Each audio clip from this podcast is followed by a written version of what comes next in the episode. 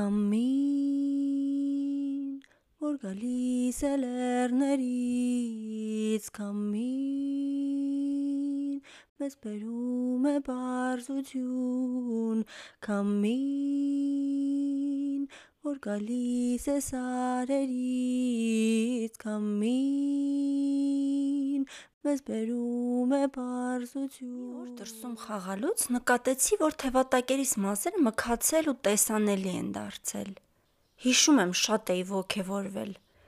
Մոտս ուժեղ ցանկություն առաջացավ ցույց տալ սևոկ ու հատուկենտ մազերս ինձ հետ կենցաղ կիսող ու ինձ խնամողներից մեկին։ Բազմոցին պարկած էր։ Վազեցի մոտը ու թևս բարձրացնելով ասեցի. «Տես, մազեր են աճել»։ Ինչ որ կծկտուր բան պատասխանեց,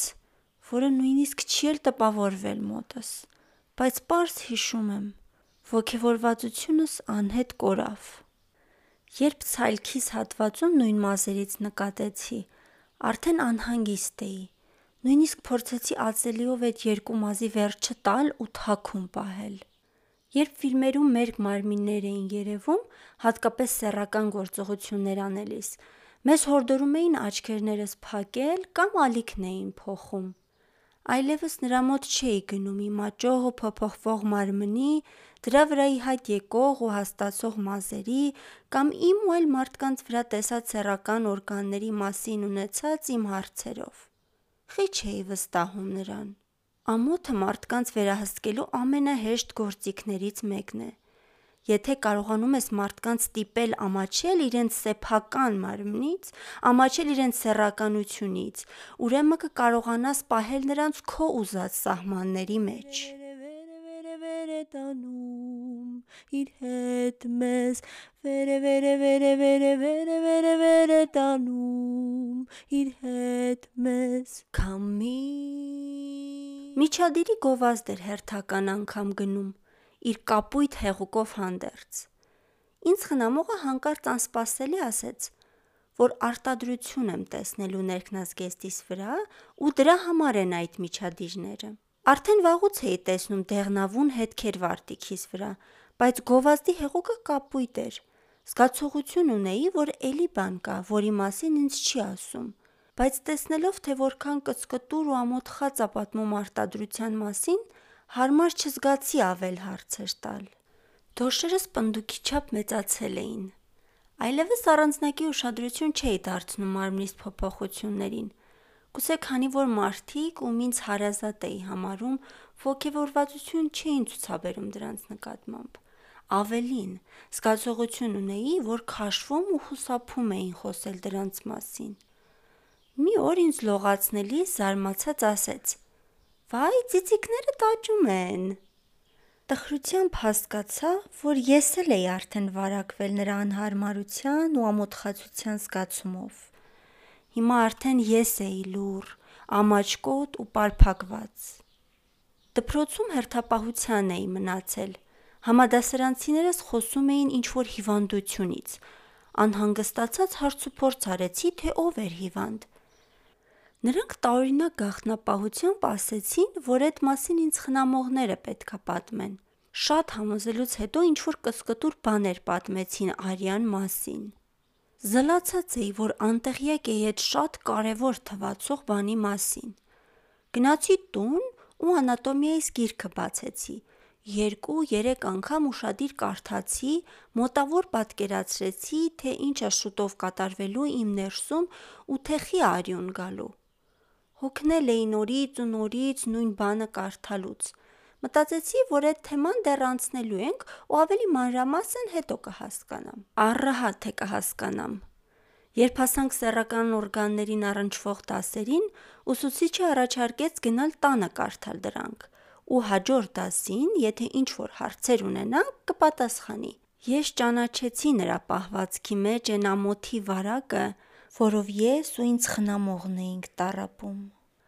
Հաջորդ դասին հնչող քմծիծաղն ու լռությունը ինձ հիշեցրին, որ ամոթի վարակը վաղուց տարածված ա բոլորի մեջ,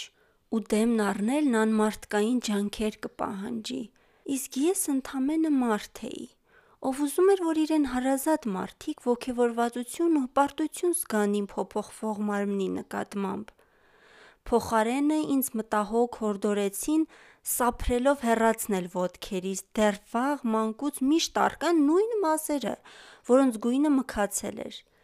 Իսկ ես չէի հասկանում, թե որ տարեկանից սկսած դրանք ոչ հիգիենիկ դարձան։ Ուղի են ածելի թողած կտրվածքները, կարմրածությունն ու ներաճած մազերից ի հայտ եկած փշտերն ավելի հիգիենիկ ու նախընտրելի համարվում, քան մանկուց ոտքերիս մաշկը պաշտպանող փափուկ ու սևուկ մազերը։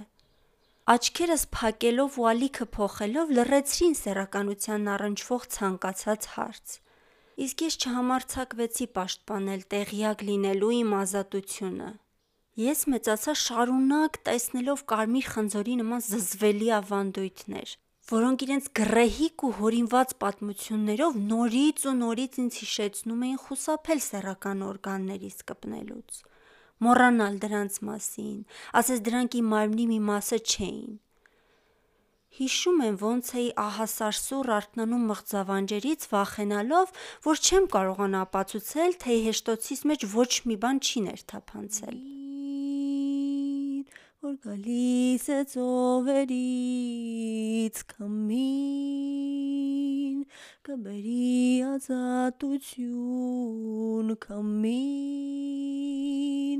որ գալիս է ծովերից քամին, կբերի ըմբոստություն, վերը վերը վերը վերը վերը վերը վերը տանում։ Մի օր որոշեցի, որ պատրաստ եմ ազատվելու հին կապանքներից ու սահմաններից։ Էլ չեմ ուզում կառավարվել ավանդույթներով։ Ուզում եմ հետ խլել մարմինս հասարակությունից։ Ուզում եմ ինքս լինել առաջինը, ով կներթափանցի հեշտոցիս մեջ։ Արդյոք ինձնից բացի կա մեկը, ով ավելի լավ կզգա իմ իսկ մարմինը, իմ իսկ մկանները, իմ իսկ հյուսվածքները։ Քաջություն ունենալու համար ինձ կոնկրետ նպատակ էր պետք, ու ես գտա այդ նպատակը։ Իմ նպատակն էր հեշտոցամուտքիս ու արգանդիս վզիկի միջև ընկած հեռավորությունը պարզել, որը պարզվեց դաշտանային ցիկլից կախված տարբեր կարող է լինել։ Նախկինում առիթ էի ունեցել մասնակցել սեռական ու վերարտադրողական առողջության հետ կապված մի դասընթացի,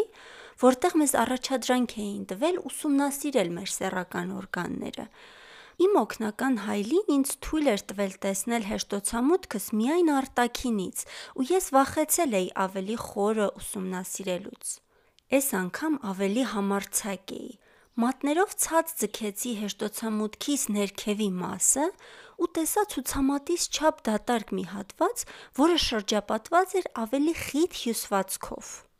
Չեմ հասկանում, ոնց նախորդ անգամ սա չէի նկատել, ասես փուչիկի փչելու հատվածը լիներ։ Մատս մոտեցնելով հասկացա, որ շատ առածկական է ու ձգվում է։ Մեջքիս տակ բարձ դրեցի, հարմար տեղավորվեցի ու փորձեցի մատս ավելի խորքը տանել։ Վարկյաններ անց հասկացա, որ մատս մինչև երկրորդ հոդը հեշտոցիս մեջ է։ Զգուշորեն դուրս հանեցի։ Մատիս վրա միայն սպիտակ արտադրություն կար, ուրիշ ոչինչ։ Ու ես հասկացա, որ խիտ հյուսվածքը հենց այն էր, ինչ ես մտածում էի։ Հիշեցի, որ այս մասին բազմիցս կարդացել էի, որ թաղանթը հենց այս տեսքն է ունենում շատերի մոտ, որոշների մոտ կարող է անցքը ավելի նեղ լինի կամ մի քանի անցքեր լինեն, բայց թաղանթը միևնույնն է, շատ առազգական է ու մի փոքր նրան կպնելուց ձգվում, բացվում է։ Հատկապես եթե լարված չես լինում։ Հիմա արդեն վճռական էի տրամադրված։ Պետքա փորձեմ մատս ինչքան հնարավոր է խորը տանեմ։ Ողջ ուշադրությունս հեշտոցիս պատերի վրա էի կենտրոնացրել։ Փորձում էի մատով շոշափել ամեն մի մանրուք։ Զարմանքով բացահայտեցի, որ սկզբի հատվածը խռիկանման անհարթություններ ուներ, իսկ հետո ավելի հարթ հյուսվածքներն էին գալիս։ Հեշտոցը սնամեջ էի պատկերացնում բայց պարզվեց հաստ ու առածկական պատերը իրար վրա են պարկած, ու ինչքան մատով փորձում էի դրանք իրարից հեռացնել, նորից հետ էին գալիս ու պարկում ես անգամ արդեն մատիս վրա։ Մատս շատ հեշտ էր սահում ներս, ու ես էլ չնկատեցի, թե ոնց ամբողջությամբ արդեն հեշտոցիս մեջ է։ Արգանդիս վզիկը դեռ ոչ մի տեղ չէր երևում։ Նախորոք parzել էի, որ անմիջապես գալու եմ հենց հասնեմ դրան, քանի որ շատ է տարբերվում մյուս հյուսվածքներից։ Շոշափելիս պետք է նման լինի քթի ծայրին, բայց չկար ու չկար։ Մատս շատ հեշտ դուրս եկավ։ Մտավոր ու հոգեկան լարվածությունից գլուխս մի փոքր ցավում էր։ Որոշեցի այսքանով սահմանափակվել, բայց շատ հպարտ էի ինձնով։ Մի քանի օր անց լողանալուց հետո, երբ մարմինս դեռ տաք էր ու թուլացած, որոշեցի եւս մի անգամ փորձել արգանդիս վզիկը գտնել։ Էլ չկար նախկին վախն ու լարվածությունը։ Մի փոքր արդեն ծանոթ էի մարմնիս։ Միջնամատս ավելի երկար է, քան ցուցամատս։ Միգուցե այս անգամ ստացվի։ Մատս հեշտությամբ ներս սահեց, ավելի ու ավելի խորացավ, ու հեշտոցս նախկինի պես գրկեց մատս, բայց այս անգամ ավելի ջերմ, ասես հին ընկերոջ, որ վաղուց չէր տեսել։ Ու արցունքներ գլորվեցին աչքերիցս։ Զգացի, որ վերամիավորվել եմ սեփական մարմնիս հետ։ Ինքն իմ մարմնի վրա էր, բայց ուրիշներն էին իրան տնօրինում, դրա հետ կապված որոշումներ կայացնում, իմ իսկ միտքը կառավարելով ինձ հեռու պահում իրանից։ Բայց մենք այլևս միասին էինք, ու ոչ մի ճնշող համակարգ մեզ էլ չէր բաժանում իրարից։ Քամին, որ գալիս է զորերից, քամին, կբերի մեզ լեռություն, վեր է, վեր է, վեր է, վեր է, վեր է, վեր է, վեր է տանում, իր հետ մեզ, վեր է, վեր է, վեր է, վեր է, վեր է, վեր է, վեր է տանում, իր հետ